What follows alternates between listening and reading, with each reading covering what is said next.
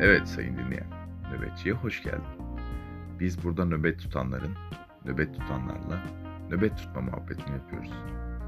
Neyin nöbetini tuttuğunun bizim için pek bir önemi yok. Sadece bizden beklentin olmasın yeter. Keyifli dinlemeler.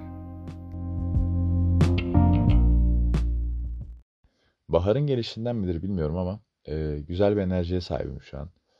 Yani e, damarlarımda kanla birlikte kelebekler de uçuşuyor. Güzel bir duygu, düşünce yapısındayım şu an. Öyle söyleyeyim. Hislerim çok pozitif. E, o yüzden biraz daha hani konuşup daha daha rahatlamak istediğim için bu bölümü kaydedeceğim. Dinlemek dinlememek size kalmış zaten. Zorla kimseye bir şey dinletmiyoruz burada.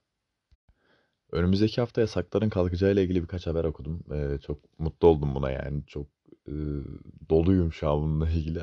Acayip iyi hisler var içimde.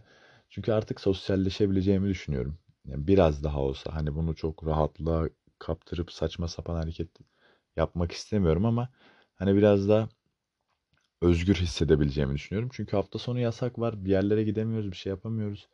Hafta içi zaten yasak çok erken saatlerde başlıyor. Yani akşam 9'da başlıyor. He, hayat kalmıyor zaten o saatten sonra. Dışarıda kimse kalmıyor. Ya da dışarıda yapacak bir şey kalmıyor. Zaten dışarıda yapacak hiçbir şey yok. O yüzden yani e, özlediğim şeylere kavuşabileceğimi hissediyorum. En azından şehir dışına çıkabilmek falan. Ya bir yerlere gidesim var çünkü e, gidemiyorum ama hani sadece hafta sonu boşum ve hafta sonu nasıl gidebilirim ki? Yani yasak zaten hani. e, öyle işte. Bilmiyorum ya. Güzel şeyler olacak ama çok yakında. Güzel günler göreceğiz çocuklar. Güneşli günler. Gerçekten güneşli günler geliyor bu arada. Bugün hava çok güzeldi. Gerçekten çok güzeldi. Hani aşırı tam nasıl diyeyim Mayıs ayında gibi hissettirdi öyle söyleyeyim. Adana zaten malum. Az çok biliyorsunuz. Nasıl bir sıcaklık olduğunu. Tişörtle terliyorduk ya. İnanılmaz. Havanın güzelliği falan ne bileyim bu aralar hayatın akışının değişmesi. Yani e, aldığım önemli kararlar falan. Attığım güzel adımlar. Beni bayağı bir yükseltti zaten. Önümüzdeki haftanın işte o yasak kalkma muhabbeti falan umutlarım. Yani bu aralar çok iyiyim. Ee, ama bilmiyorum. Buna nazar değecek gibi mi geliyor yani. Bir yandan da bunu çok dillendirdim çünkü. Bir şey ne kadar çok konuşursanız o kadar tersi oluyor çünkü. Amana koyduğumun insanlar. nazar ediyorlar. Buna en yakın örneğim geçen gün e, Kuzey Tekinoğlu taklidi yaparak bir snap attım. İşte bugün Kuzey Tekin olarak ilk günüm. Geri baslen dedim. Ertesi gün dişim şişti abi. Ya konuşamıyordum hatta yani ilk başta. So yani e, biraz tedavi ve nasıl diyeyim bir şekilde kendimi tedavi ederek onun şişini biraz indirdim de konuşmaya başladım. Yani iğrenç haldeydim. Ee, gerçekten gözünüz falan çıksın ya. Harbiden yani gözünüz götünüze girsin arkadaşlar yani. Eğer beni dinleyip de şu an o nazara sebep olan biri varsa aranızda gerçekten amına koyayım onun ben ya. Ama olsun yine de moral bozmak yok çünkü e, değmez yani. Şu an hala şişlik var dişimde ya yüzüm kaydı falan yani. Team Wolf izleyeniniz varsa orada Scott McCall çenesine döndü öyle. Suratın sola doğru kayıyordu. İlginç bir çene yapısına sahip oldum o gün yani. Şu an hala var da biraz çok sorun değil. Diş doktorlarında randevu yok. Çünkü hepsi filyasyon ekibinde çalışıyor. Ee, sadece üniversite fakültesinde var. Ona da sabah erkenden gidip içeri girebilmek için bile sıraya girmen gerekiyor falan filan.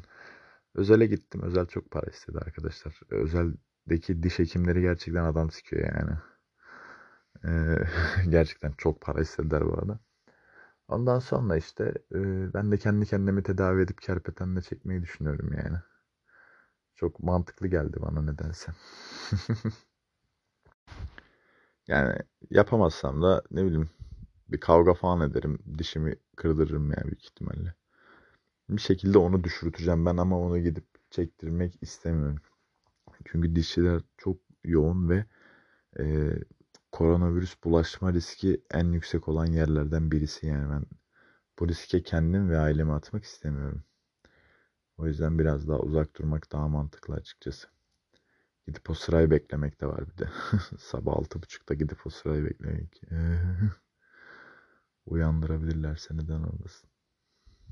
Bu arada bunu araya sıkıştırıyorum ki e, dinleyip dinlemediğinizi test edeceğim.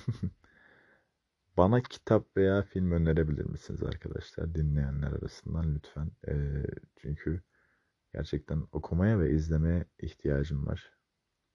Ufaktan diksiyonumu falan da kaybediyorum. Yani benim gerçekten okumaya tekrardan başlamam lazım.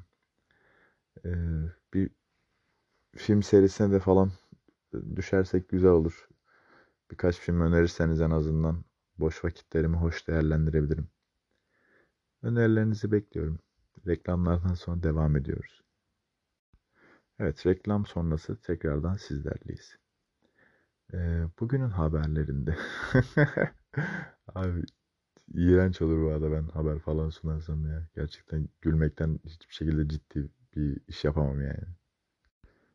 Ben bunu durdurup Twitter'a girdim. Gündeme falan baktım. Bok gibi gündem yine. Öğretmenler ağlıyor. Deprem diye işte açmışlar ama deprem yok. Bu Kore fanları var ya. Neydi o? BTS fanları oradan anime paylaşıyor amına koyayım. Ondan sonra liselilerin isyanı var falan filan. Ya bütün bitti enerjim yani ha. Of. Gerçekten yazık abi ya. Gerçekten gençliğe yazık ya. Hani biz biraz da atlattık gerçi o kısımları liselilerin hani yaşadıklarını şu an anlamıyorum çok da. Yani ne bileyim üniversiteye geçişimiz falan da kolaydı bizim. İyiydik yani biz rahattık yani. Şu ankilerin halini düşünüyorum da yani ne bileyim. Okula gitmeden üniversiteye geçecekler resmen ya liseliler. Çok garip değil mi? Üniversite kazanan insanlar sadece odalarından üniversite diploması alacaklar. İğrenç bir durumdayız. Gerçekten iğrenç bir durumdayız yani. Psikolojim bozuldu. Bak nasıl enerjiktim. Anasını sikti Twitter ya. Siliyorum şu uygulamayı. Yeter ya. Evet bu kadar sinir ses yeterli arkadaşlar. Ee, birkaç şey söyleyecektim. Onları da unuttum zaten sinirden. Bilmiyorum. Of çerez gibi bölüm oldu ama çerez tadı da kalmadı ya. Neyse evrene pozitif enerji gönderelim yine de. Ee, nasıl göndereceksek. Bir tweet okumuştum. Türk gencinin en kötü zamanları farkındalığı başladıktan sonraki zamanlarıdır diye. Gerçekten öyle bir şeylerin farkına vardıktan sonra hayatınızda hiçbir şey gerçekten eskisi gibi olmuyor ve hiçbir şey doğru gitmiyor. Mutlaka kötü yönleri görüyorsunuz. Sadece iyi yönleri kaçırmaya başlıyorsunuz farkındalık gerçekten üzmeye başlıyor ve öyle yıprandım. Cümle kuramadım. Beynim yandı ya. Ama farkındalık bir yandan da bence çok iyi bir şey. Çünkü sürekli negatif yönleri görüyorsun, görüyorsun, görüyorsun, görüyorsun. Sonra karın içinden bir çiçek filizleniyor. Sen o çiçekle çok çok mutlu oluyorsun ve sonuçta zirvede yaşıyorsun o mutluluğu. Çünkü minicik bir kıvılcım bile seni harbiden yüksek mutluluğa taşıyor. Ama ufacık bir üzüntü de seni en dibe çökertebiliyor. Böyle bir tehlikesi de var arkadaşlar. E, pamuk ipliğine sarılı bir duygu düşünce şeysi. Terazisi diyeyim.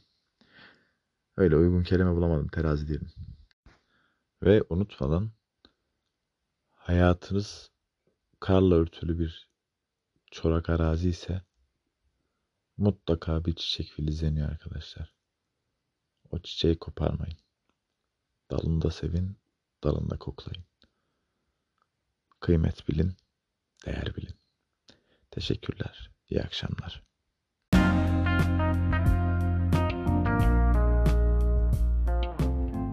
Bir bölümün daha sonuna geldik.